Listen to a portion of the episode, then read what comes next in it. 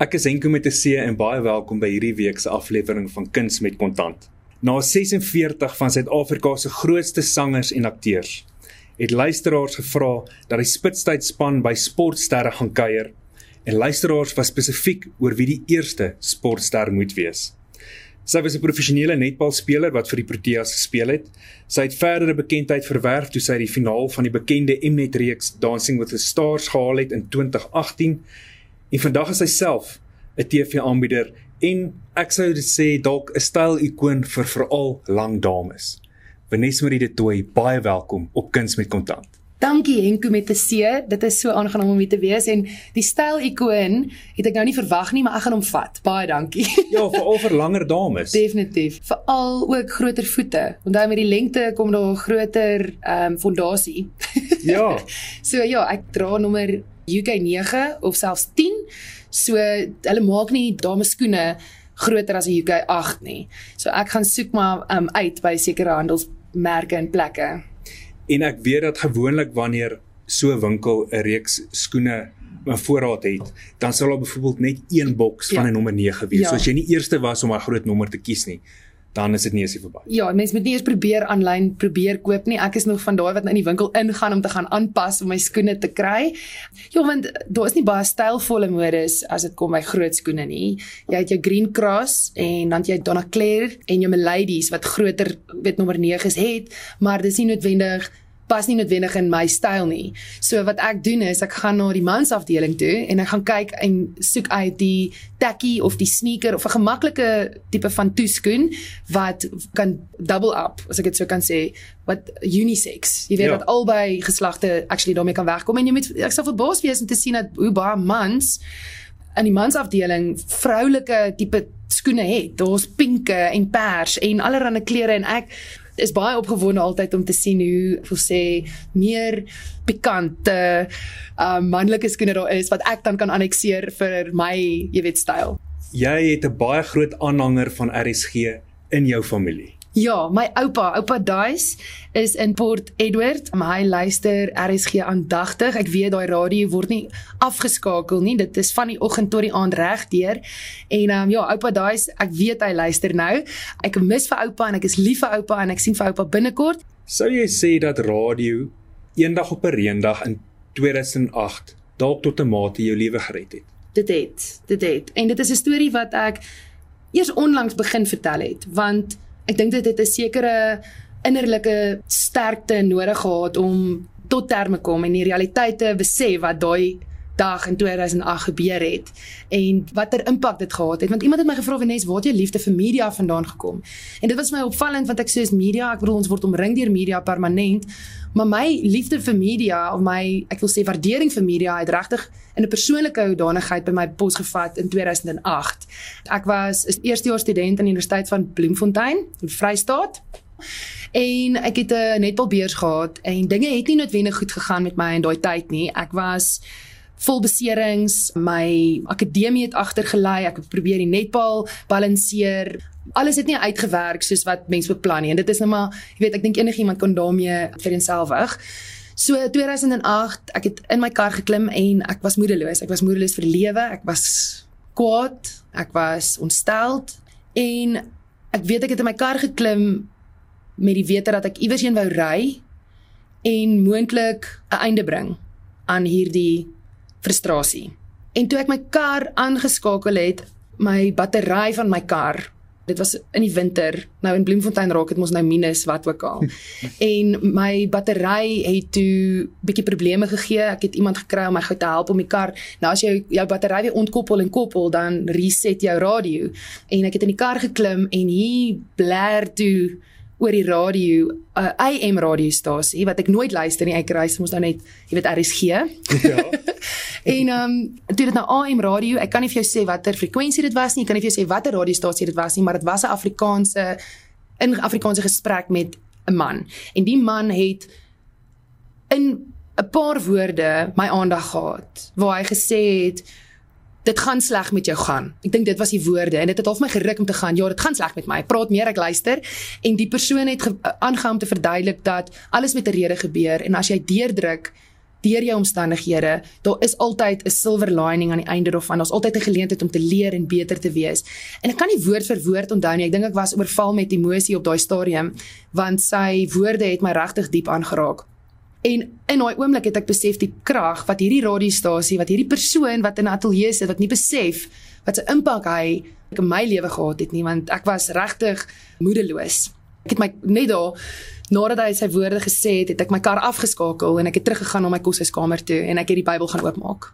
Ek was geïnspireerd gewees oor sy getuienis om die waarheid te soek in die woord. En dit is waar ek wil sê my liefde en waardering vir media vandaan gekom het. En soveel so en ek dink nie baie mense weet dit van nie.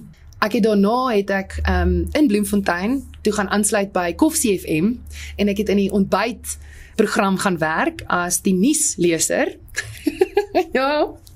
En ek moes die nuus gaan, so ek moes vroeëroggende, so ek moes al 5uur daar gewees het want dan moet jy die nuus vir die dag, jy weet, uitlê, maar my en dan moet jy nou 6uur regstreeks gaan by Koffie FM en ek het die nuus gedoen. So ek moes die nuus gaan skryf en my eie skrip doen elke liewe dag.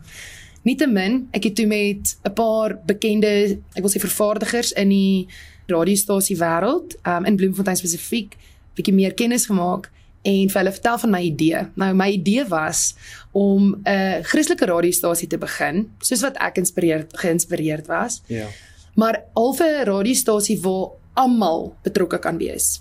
So ons almal ag onsself as Christene, korrek? Maar jy het 'n Baptiste kerk, jy het 'n NG kerk, jy het 'n AGS en ek kan die lys gaan aan. Jy het 'n verskriklike verskeidenheid van kerke veral in Bloemfontein, maar almal is Christene. So ek wou 'n radiostasie gehad het wat mense hulle getuienisse kom vertel, maak nie saak van watter kerk jy kom nie, dat ons Christelike musiek kan speel en hopelik nog een of twee mense se lewens dalk buite verander of red, soos in my geval. En ek was regtig geïnspireerd. So soveel so dat ek 'n frekwensie gehad het. Dit was 98.7 Wat? Ja, 98.7 FM. En ek is toe kort daarna as ek ehm um, vir die Proteas gekies en ek het toe Pretoria toe getrek. So daai droom was nooit verwesenlik nie, maar ek het nogal ver gekom daarmee.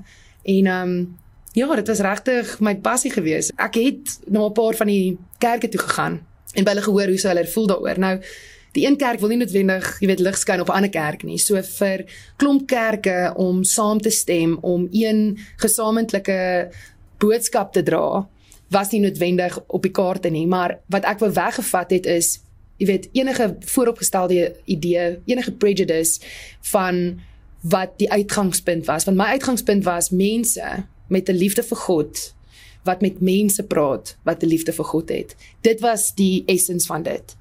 Natuurlik is daar baie meer red tape en jy weet hoepels om deur te spring ja. as jy wil uh, 'n uh, Christelike radiostasie op die been bring want daar is baie ek wil sê partye as as daar een kerk was wat nie aan boord kom nie dan was dit sou dit moeilik gewees het om dit te kon regkry maar ek het probeer ek het altans probeer en radio is nie die enigste medium waar by jy al betrokke was nie ons sien jou gereeld op televisie as aanbieder by Kwela jy is ook in November maand aanbieder van Afrikaans is groot ja. waaroor ons almal baie opgewonde is jy is 'n sportster wat dit reg gekry het om vir haarself 'n loopbaan in die televisiewêreld oop te kerf.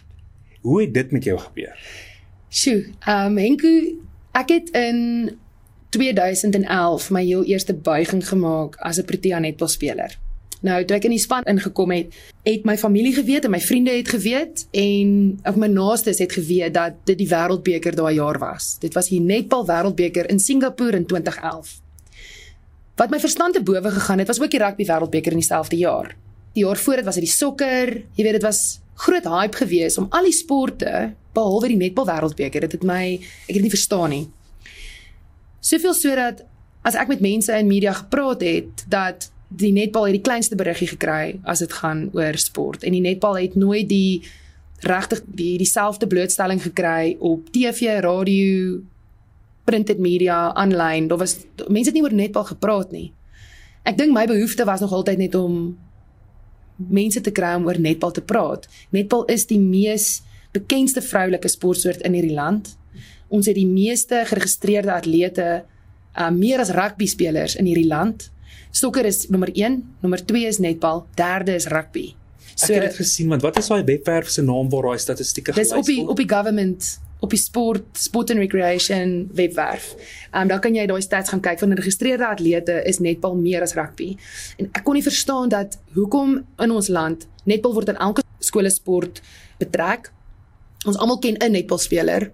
Ja. Of ons ma's het gespeel of ons tannies of ons oumas of ons kind of ons dogter of ons sussie of wie ook al, ons ken almal iemand wat netbal al gespeel het. Toe daai jaar met die netbal wêreldbeker het ek besluit ek gaan na radiostasies bel. Dis wat ek gedoen het. Ek was die jongste speler daar, so ek het gevoel ek moet ietsie doen vir my seniors. En ek het net wel radiostasies gebel en vir hulle gesê, "Hallo, my naam is Vanessa vir die Toy. Ek is nou by die Netbal um, Protea span ingesluit, maar wil julle nie 'n storie doen oor ons nie? Ons gaan wêreldbeker toe. Ons gaan Singapore toe en ons gaan die land verteenwoordig." En op daai stadium was ons, ek dink 6de of 7de in die wêreld gerank wat baie beter was as ons sokker. Ek dink die sokker was soos 100 en ietsie. Ja. So ek het net gevoel, jy weet, hier is 'n 'n vroulike sport span wat regtig goed kan doen. Die radiostasies het toe van ons spelers begin onderhoude mee voer en ons kapteine en ons afrigters, maar so ook so met my omdat ek nou die inisiatief gehad het. Okay Vanessa, jy wil ons op radio wees, nou kom praat. Ek was nie die ene wat ek wou nie die onderhoud vir myself gehad het nie, maar dit het nou so geword. Toe dink ek wel nou moet jy, jy weet jou groot broek aantrek. Jy wil ons nou hier netbal moet gehoor word, so nou praat oor netbal. Die radiostasies het my toe jy weet verwys na die TV-programme toe. So vir so ons was op al die oggendprogramme en Ja, ek het met joernaliste gepraat. Ek wou gehad het, mense moet net weet ons gaan wêreldbeker toe. En so het ek begin nou bande maak met joernaliste en radiostasies en mense maar in die bedryf. En as daar onderhoude gevoer moet word, het die span nou maar vir my gestuur want ek was die ene wat die meeste gepraat het. Die netbalspelers in my tyd was baie ehm um, teruggetrokke en baie skaam. Ek sou sê ek sit teenoorstelde. so ek is definitief iemand wat baie meer hou van praat soos jy kan agterkom. Toe het ek die onderhoude begin voer en ek moes myself leer hoe om gemaklik voor die kamera te wees want hier dra ek nie net nou Venet die naam Vanessa Marie nie, maar ook die respek en ook die reputasie van Netball Suid-Afrika. Toe Mimi Mtetwa nog ons president was, het sy eendag vir my gesê Vanessa, dankie, dankie dat jy Netball so mooi daar buite dra. So ek het gevoel ek het verantwoordelikheid teenoor my sport en my land, nie net teenoor myself nie. En dit is waar my pad met media begin het. So ek het al die onderhoude gedoen en soveel so toe ek die geleentheid kry om dansing met die stars te gaan doen, het ek um, as 'n netbalspeler opgetree en weer eens moes ek mos nou myself gedra. En soos jy weet het ek nie 100% myself so mooi gedra nie want ek het mos nou gepraat van 'n maagaandoening en dit was nou 'n paar mense onseën nie.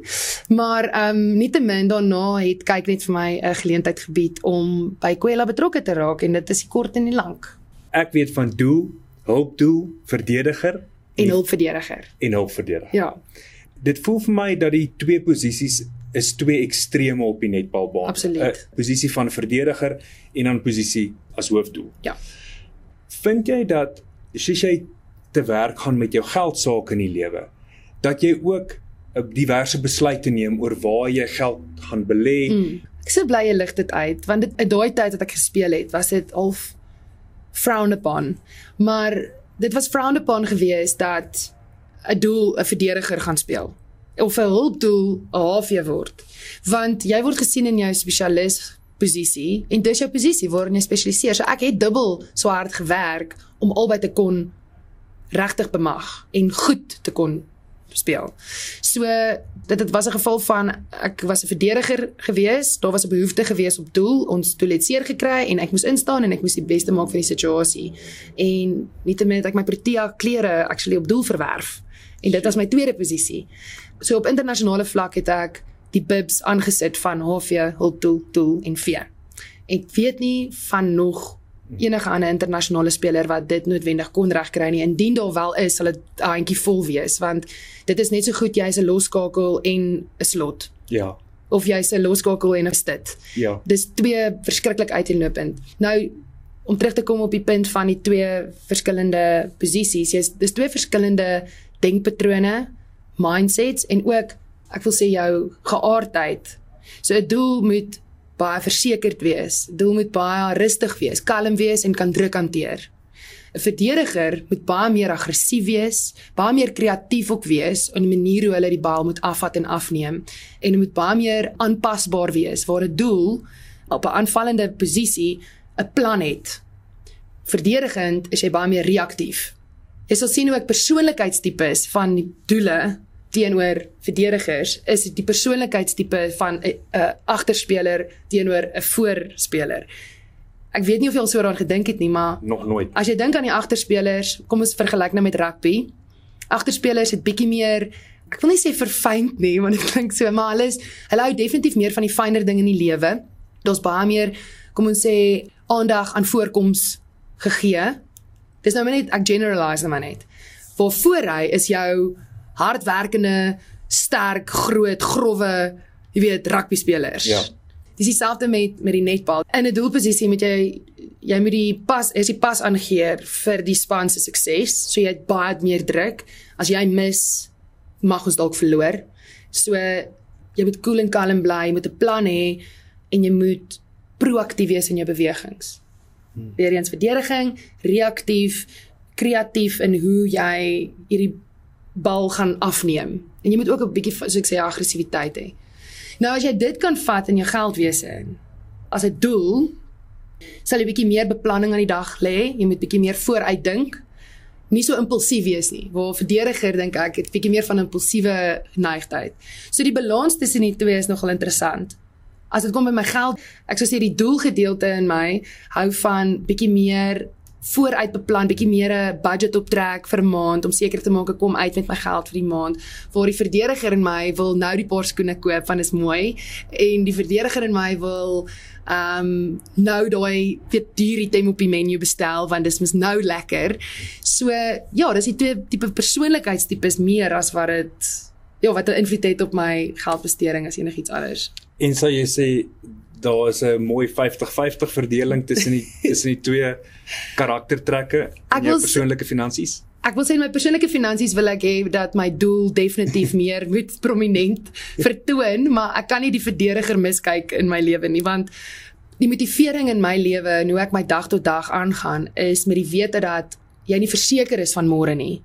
So hoe ek my dag tot dag aanpak is met die moontlikheid dat ek môre kan doodgaan as jy so na die lewe kyk, gaan jy vandag besluite maak en ja sê vir goed wat jy net verwendig, jy weet, sou vir jou gesê het nie want jy gaan nie dink dat môre nog 'n dag is nie want môre is moontlik nie nog 'n dag nie.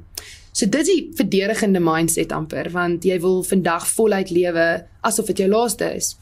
Waar die doel wil bietjie meer dink aan môre en oormôre en volgende maand en volgende jaar en aftree wat jy weet amper die inevitable van dit is dit daar is nie 'n mortality betrokke nie. Waar die verdediger dink aan jy weet nou. Ja. Ehm um, so ek hoop ek hoop dat my doel ehm um, weet wat sy doen. Die doel in my weet wat sy doen want die verdediger is definitief die ene wat die fighting spirit deurbring en alles aanpak met volle mag en krag asof môre nie bestaan nie. In 2013 is jy as Afrika se mees waardevolle speler aangekondig. Wat sou jy reken is nog die mees waardevolle besluit wat jy geneem het wat tot iets groter gelei het later in jou lewe? Dis 'n baie goeie vraag en kom jy te sê. Ek moet vir jou sê toe ek op skool was, het ek geweet na skool gaan daar nie vir my geleentheid wees om universiteit te kan gaan vanaf 'n finansiële oogpunt af nie. Ek en my familie het dit geweet. Ja, net die kort en die lank finansiëel het my ma twee kinders gehad wat sy moes onderhou. So daar was nie regtig opsie gewees om universiteit toe te gaan nie, om te gaan verder studeer nie. So ek het op skool al besluit ek gaan hard werk om myself 'n geleentheid te gee om 'n beurs te kan kry. So ek het akademies ook baie goed presteer. Ek het 'n hele paar onderskeidings gehad en ek het ook 'n gedeelte akademiese beurs verwerf. Want ek het gedink as ek nie in die sport dit gaan maak nie, moet ek dit maak in die akademie. Maar ek het ook geweet die sportbeurse is bietjie groter as die akademiese beurse. En ek het nodig gehad om 'n besluit te maak. So die besluit was om seker te maak van 'n ak akademiese beurs by universiteit deur sport. So ek het 'n um het ongelooflike afrigtergraad op skool wat saam met my hierdie pad gestap het en ek het toe ek die onder 19 SA span gehaal het, het het ons geweet dat ek by 'n universiteit 'n netbalbeurs sou kry as ons aan al is dit 100%, 70%, 50% daar sou 'n bydra tot my universiteitsstudies gemaak word. So ek het baie hard gewerk daarvoor. En ja, nietemin ek het universiteitsbeurs by Koffsies gehad en dit was great want ek het 'n verblyfbeurs en 'n sportbeurs, volle sportbeurs gekry by hulle. Um selfs toe ek tikkies toe is, Universiteit van Pretoria het ook vir my 'n verblyfbeurs en 'n volle sportbeurs. So ek kon verniet in aanhalingstekens bly en my sport beoefen en daardeur het ek my Protea klere verwerf. Ek sou nie die geleentheid gehad het om vir die Proteas te speel as dit nie was vir universiteit se finansiële ondersteuning in in daai danigheid nie.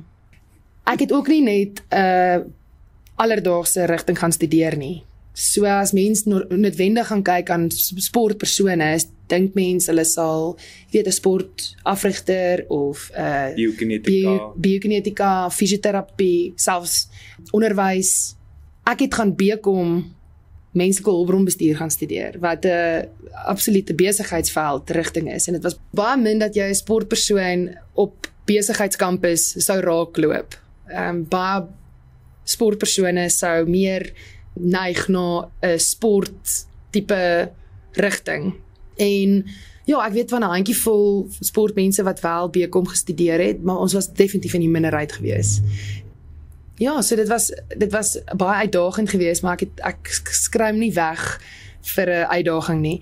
En die feit dat ek kon studeer, netbal speel en dan ek het van 'n finansiële oogpunt af myself onderhou. So ek moes gaan werk ook. So ek het netbal klinieke aangebied. Ek het by skole gaan volunteer teen 'n fooi.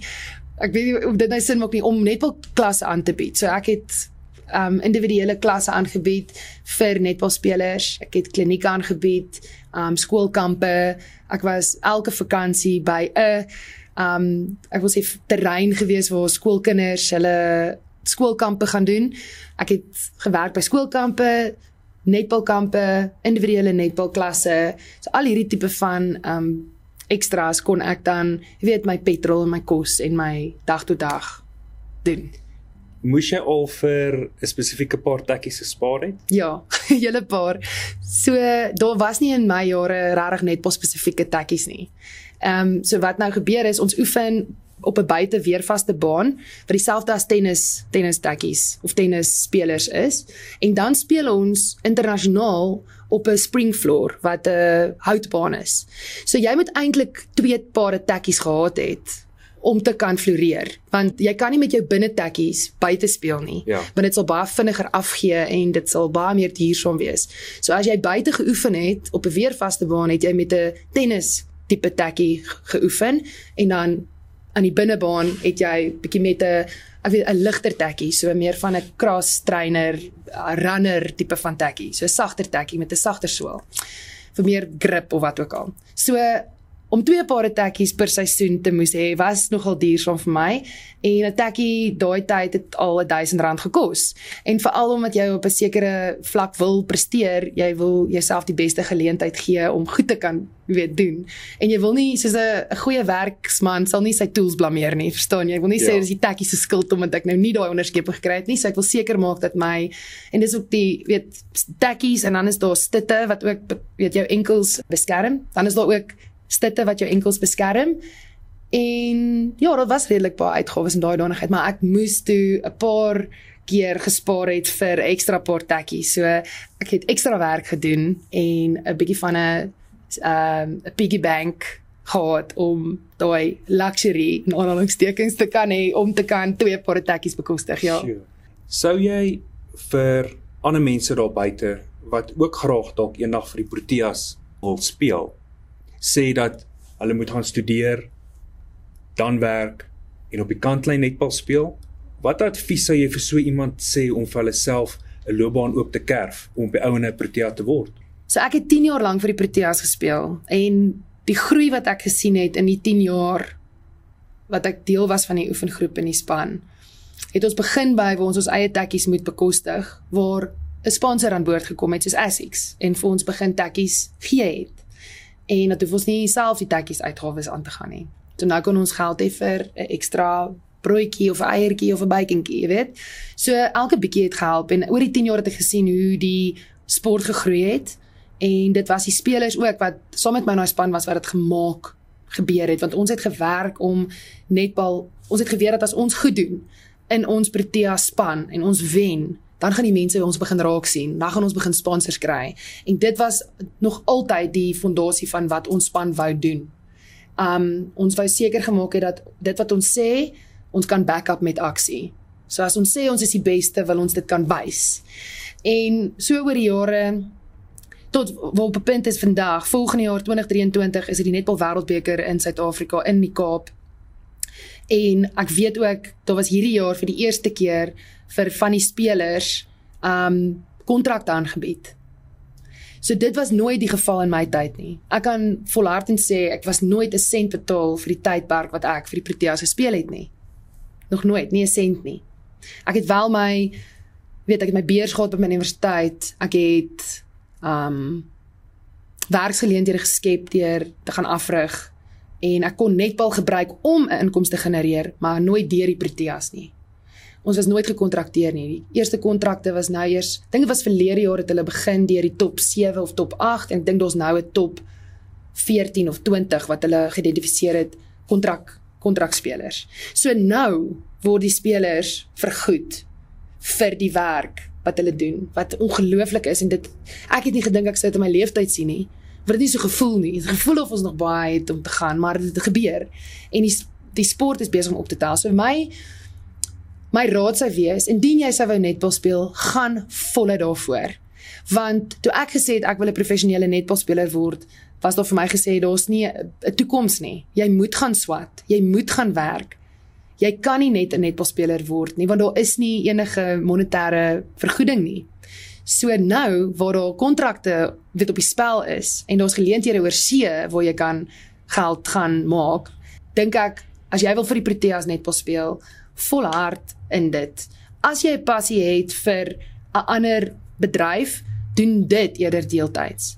Jy moet omtrent tussen 4 en 6 ure 'n dag oefen om 'n professioneel om vir my persoonlik om as 'n professioneel geag te word. Ons het nou al uit die 46 vorige gaste op Kuns met Kontant 'n gevoel gekry van wat akteurs verdien. Ons het 'n gevoel gekry van wat sangers verdien. Mm. En ons was vinnig om aan te neem dat sportsterre baie meer as akteurs of sangers verdien. Want ons het onsself vasgestaar in Springbok rugby spelers. Ja.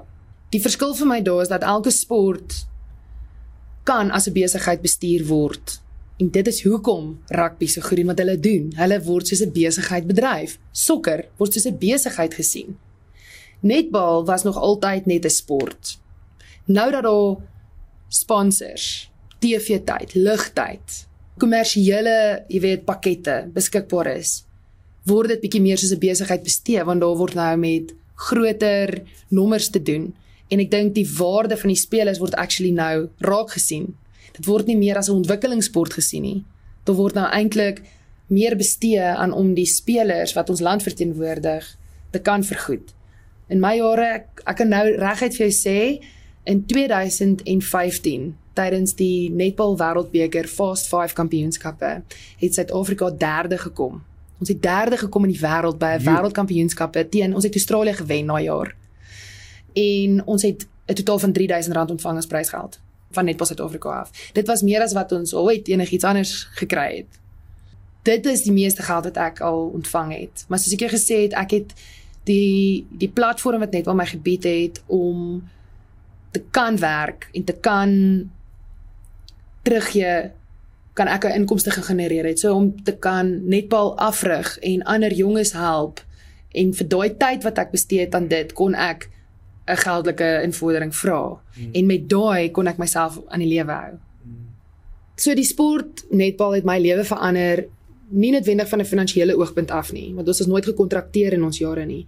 Maar dit het my die geleentheid gegee, soos ek vroeër genoem het, om terug te gee. Maar ek kon die wêreld gaan sien het. Ek kon my land verteenwoordig het. Ek kon genetwerk het met great mense. Ek kon die ministers en die presidente ontmoet het.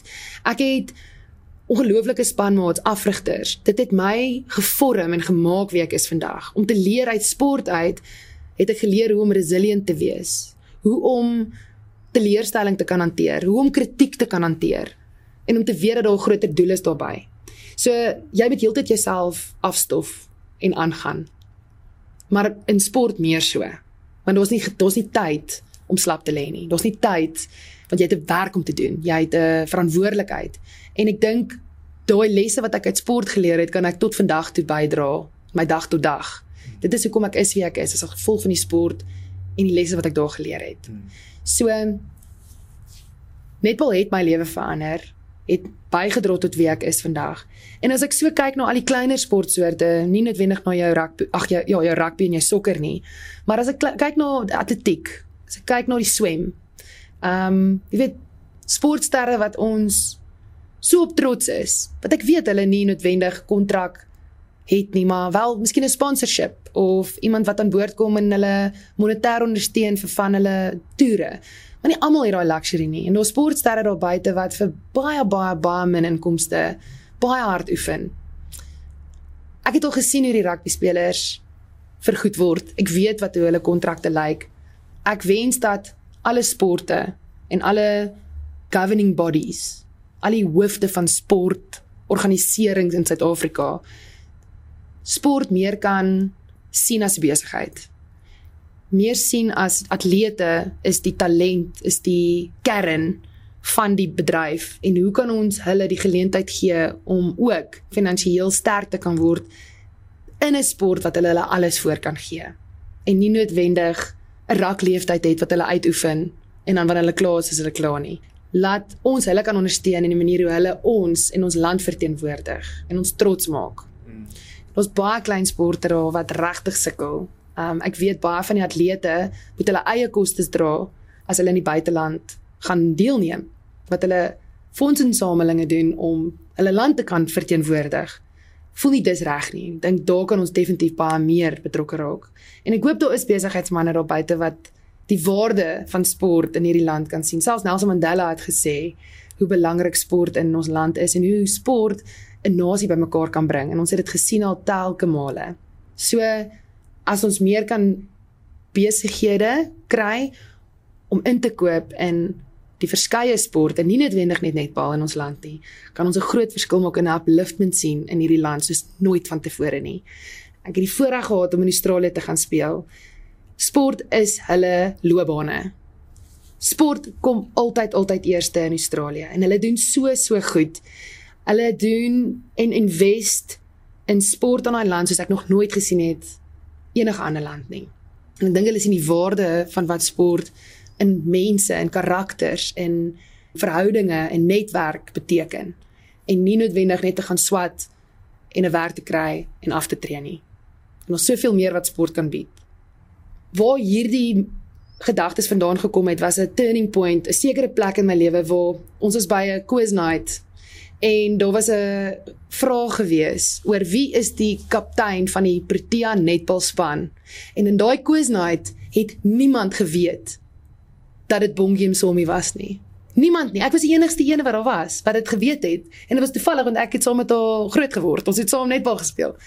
En toe besef ek ons land moet ook geeducate word, maar dis nie hulle skuld nie. Want die sport word nie ondersteun soos dit moet nie.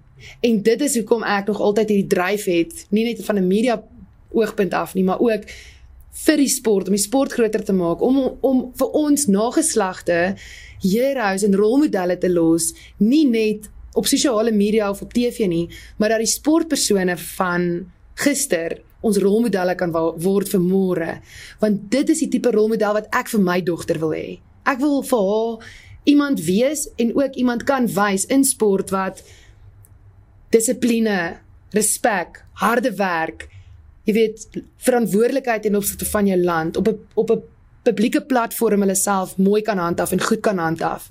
En ek voel sportpersone het dit en ek wil graag vir my dogter eendag as sy vir my sê mamma ek wil net wel speel vir lewe wil ek nommer 1 vir kan sê go for it my kind jy hoef nie te gaan swat nie wel ek sal graag wil hê jy moet 'n goeie agtergrond hê maar as jy regtig goed is en ons kan vir jou 'n uh, jy weet 'n loopbaan jy kan altyd deeltyds gaan swat maar gaan vir dit gaan voluit daarvoor En ek wil hê sy moet kan gaan 'n Karla Mostert, 'n Erin Burger, 'n Marike Holtzhaus en 'n Christa Botha. Wat is haar rolmodel? Want dit was legendes in die netbal gemeenskap. 'n Vanessa Marie de Tooi. 'n Moontlike Vanessa Marie, dit sou baie nice wees, maar dit gaan vir my oor om rolmodelle vir môre te kan kweek. En as mense daai mindset kan hê om te sê dit is die nalatenskap wat netbal kan los vir ons jeug dan glo ek gaan meer besighede betrokke raak.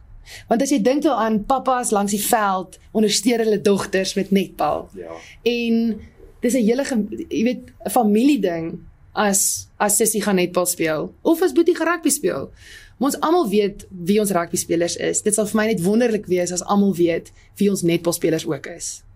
En ek kan getuig uit die bietjie wat ek jou ken, is dat jy is iemand wat daaraan glo dat 'n mens moet teruggee en jy is Ja. iemand wat dit doen. Absoluut. Hoekom is ons dan hier?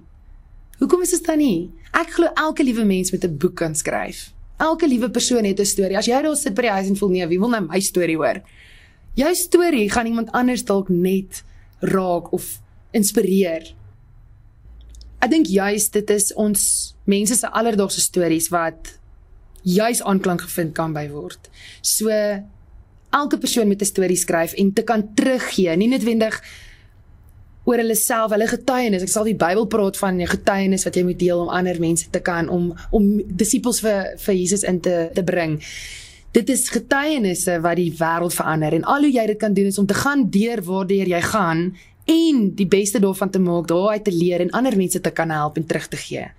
Dit is dis dis 'n siklus. Dit is ongelooflik om te dink hoe ons mekaar kan help en dis deel van evolusie ook. Dis hoe ons voorkom in die wêreld. Laat ek jou kan vertel van die foute wat ek gemaak het sodat jy dit nie hoef te maak nie. En of jy nou sport doen of jy besigheid doen of jy charity werk doen en of jy net iemand langs die pad klein bietjie van met jouself van jouself kan deel, het jy reeds teruggegee. Benesmarie baie dankie dat jy met ons jou storie gedeel het waaruit ons kan leer en ek hoop van harte dat jy tog eendag vir ons jou lewensverhaal skryf en ons kan nie wag om jou volgende maand op Afrikaans is groot se verhoog te sien nie. Dankie Enko met te sê wat 'n lekker gesprek. Ek voel ons kan nog vir ure aangaan. Dankie Benesmarie. Dankie Enko.